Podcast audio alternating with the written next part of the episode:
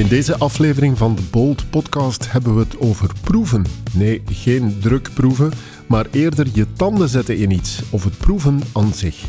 Hoe breng je een smaak tot leven op papier en waarom is proeven van iets het opperste genot? Mijn collega Bert las het boek Bubbel van ex-reclamemaker Bruno van Spouwen. En hij had een gesprek hierover met de auteur. De Bold Podcast. Hey Bert, je hebt het uh, boek Bubbel gelezen. Waar gaat dit eigenlijk over? Eigenlijk over de wereld waar we met Bolt en Pepper volop actief in zijn. Het marketingwereldje, zoals het wordt omschreven in het boek. Met al zijn excessen, met al zijn uh, leuke kanten ook, denk ik. Dus daarom vond ik het ook zo interessant om het te gaan lezen. Het is de debuutroman van Bruno van Spouwen, die eigenlijk een gevierd reclamemaker is. Ook daarom heel interessant. Bruno van Spouwen die had een, uh, een eigen uh, bureau opgericht ja, rond de tijd dat de commerciële televisie en radio van start ging. 1989 was ja, dat dan? inderdaad. En toen er volop nood was eigenlijk aan commercials. En eigenlijk zo heeft hij zijn carrière opgebouwd en verder uitgebouwd okay. tot ze... Zelfs ja, tot, uh, tot zijn bureau, tot een, uh, een internationaal ja, niveau kwam. En eigenlijk dit boek gaat over zijn ervaringen en zijn interessante ontmoetingen. Mm -hmm. Die heeft hij een beetje samengebracht. De ene is wat overdreven. De andere lijkt wel echt wel op wat, het, wat hij echt heeft meegemaakt. Okay. En dat brengt hij samen in een, vind ik, een heerlijke satire die heel herkenbaar is ook. En waar ik heel veel kon uithalen en heel okay. veel plezier mee had heb. Ook goed gelachen trouwens, ja. Goed gelachen gaan we straks ook doen. Maar uh, eerst even samenvatten. Ex-reclamemaker schrijft een boek, een satirisch boek over de sector waaruit hij komt, met de naam Bubbel van waar die naam Bubbel dan? En het gaat niet over champagne dan? Nee, inderdaad niet. Het gaat over kauwgom. Het gaat over een bedrijf, die, een kauwgombedrijf, een kauwgomproducent eigenlijk, die terug, ja, terug wil naar winst en daarom zijn marketingverhaal helemaal wil omgooien. Ze komen uit bij een uh, reclamebureau en dat reclamebureau volgen we een beetje. De CEO van dat reclamebureau is de hoofdpersonage. Hem volgen we doorheen dat hele traject. En daar komt van alles bij kijken. Het speelt zich af rond de doorbraak van echt wel de digitalisering, opkomst social media enzovoort. Over de 360 graden marketing die daarop doorbreekt. Wat betekent dat je overal moest plots aanwezig zijn. En daar krijg je een heel goed beeld van. Oké, okay. dus, uh... je hebt de man uh, geïnterviewd. We luisteren even naar een fragment. Kauwgom heb ik gekozen omdat ik, ik vind dat uh, het meest nutteloze product dat, dat je u kunt indenken. Hè je, je slikt het zelfs niet in zin. Je koudt er alleen maar op en nadien spuwt je het uit. De, de, en toch wordt het verkocht. Dat, dat vond ik zo... Het is een ja. extreem non-product eigenlijk. Voor iedereen dat, met tanden, hè, stond er. Ja. Het is een metafoor ook voor een soort opgeblazen wereld, hè, ja. die, die je natuurlijk gekregen hebt, die door de digitalisering nog versterkt is. We hebben het in deze aflevering over smaak en ook het proeven eigenlijk. Bruno van Spouwen, wat doet hij nu? Die is vandaag culinair recensent. Hij heeft een uh, wijncolumn in de Standaard. Wijnkanaal heeft hij ook nog, hè? Ja, inderdaad.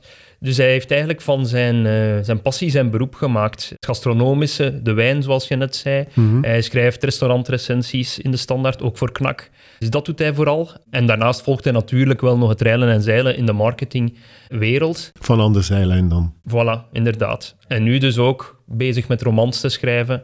Um, zeg maar, dat is toch heel moeilijk om een, om een smaak, om een restaurantbezoek, om dat dan eigenlijk om te zetten in een alfabet, in een, in een beschrijving, in een recensie. Hoe doet hij dat dan? Ja, dat is heel moeilijk. Hè. Ik heb het daar met Bruno tijdens het interview ook over gehad. Ik heb hem zelf gezegd van, kijk, ik schrijf zelf ook soms muziekrecensie of een mediarecensie. Dat vind ik nog doenbaar, maar hoe je een smaak omzet in goede zinnen en daar referentiepunten zoekt, dat lijkt mij ja, lijkt mij heel moeilijk. Dus uh, was ik wel heel benieuwd naar. Ik ben blij dat je dat opmerkt, dat dat wel eens moeilijk zou kunnen zijn, want dat is inderdaad moeilijk.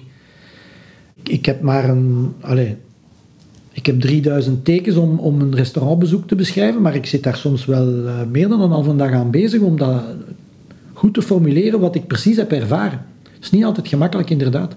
Het is ook een vorm van copywriting, hoor, mm -hmm, uiteindelijk. Mm -hmm. Ik heb trouwens al vaak gezegd... Uh, uh, als ik een restaurant heel gunstig bespreek, dan weet ik achteraf dat dat ongelooflijk veel effect heeft.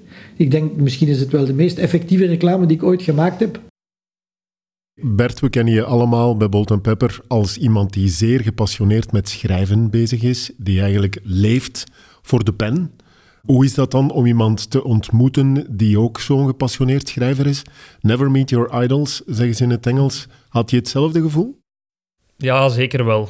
Eigenlijk elke keer als ik een schrijver moet interviewen. We doen bij Bolt Pepper zoveel interviews met ondernemers, met klanten, met allerlei mensen. Maar als je dan een schrijver moet interviewen, ah, dan heb ik, krijg ik altijd zo'n spanning. Niet zozeer voor het gesprek zelf. Ik bedoel, ik doe hier nu ook een interview met jou en dat verloopt Ja. hoop ik vlot.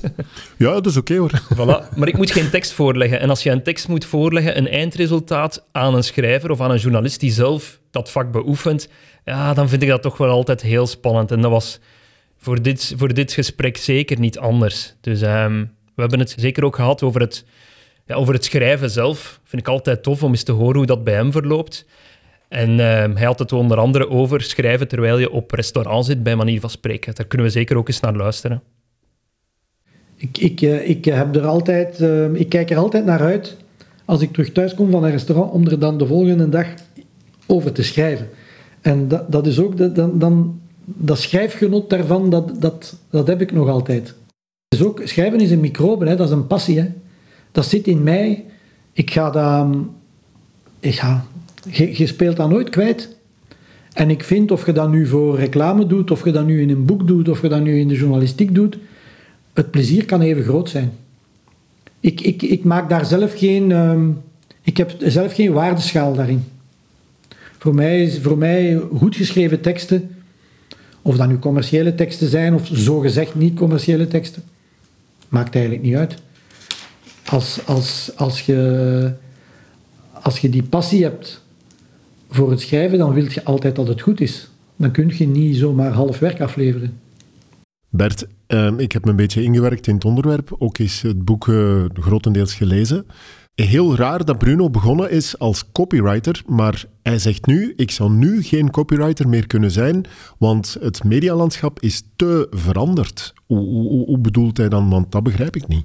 Ik denk daarom niet echt het, medialandschap, alhoewel ja, met al zijn kanalen die er zijn bijgekomen. Als je kijkt, eh, Bruno heeft de reclamewereld verlaten ongeveer 2010. Hij is het daarna wel blijven opvolgen. Maar hij heeft het wel... Hij ziet enerzijds veel kansen, zeg maar, in de marketingwereld van vandaag. Hè. Social media, die bijvoorbeeld ja, kansen geeft aan, aan kleinere ondernemers om eigenlijk op hetzelfde podium zich te tonen als zeg maar, de grote merken. En anderzijds is hij bijvoorbeeld dan ook kritisch, moeten die grote merken wel op, datzelfde, op diezelfde social media kanalen aanwezig zijn. Dat is zo'n bedenking die hij maakte. Maar inderdaad, hij was ooit copywriter en dat, dat, schept meteen ook een band natuurlijk met wat wij doen, om zo eens terug te blikken. En ja, waarom hij dat vandaag minder goed zou kunnen, dat heb ik hem gevraagd en daar moeten we zeker eens naar luisteren. Maar ik denk dat je natuurlijk eh, door de digitalisering korter, sneller, vluchtiger moet schrijven. Maar dat betekent niet dat het gemakkelijker is. Want ik weet uit ervaring dat het schrijven van een slogan, dat dat soms, of van een goede slogan, dat dat soms eh, meer tijd of minstens evenveel tijd in beslag neemt als het schrijven van een, lang, een lange kopie natuurlijk. Hè. Ja. Maar je wordt, er ook, je wordt er wel minder voor beloond. Ja. Eh, want iedereen die zo'n slogan ziet, die, ja, in twee, drie seconden is dat voorbij. En dus heb je de neiging om te denken dat de schrijver er ook maar twee, drie seconden over gedaan heeft. In 2010 is eh, Bruno van Spouwen uit de reclamewereld gestapt. Je zegt het zelf. Hij staat nu eigenlijk langs de zijlijn te kijken naar wat er allemaal gebeurt. Nieuwe trends, nieuwe tendensen. Wat gebeurt er allemaal in het communicatielandschap, het medialandschap? Eigenlijk is dat dan wel een boeiende man om een gesprek mee te hebben, al analyserend van wat zijn de dingen die hem opvallen of, of hoe kijkt hij nu naar het medialandschap? Ja, zeker en vast. Het was heel interessant om het met hem daarover te hebben. Zeker met Bolt en Pepper zijn we volop bezig met die content marketing. Hij heeft dat ook zien groeien, die content marketing. Op een gegeven moment dacht hij zelf ook van ja, een reclame, een commercial over een autobedrijf, hoeft dat alleen maar een mooie dame in een auto te zijn? Daar kan je toch veel meer gaan over vertellen. Dus hij heeft dat ook wel omarmd. Hij heeft dat ook zien groeien. Aan de andere kant maakt hij eigenlijk de bedenking. Hè? Kan je vandaag nog langere kopie lezen of luisteren, langere tijd luisteren naar een of kijken naar een commercial en kunnen we dat allemaal nog opnemen? Dus daar is, is hij wel kritisch voor.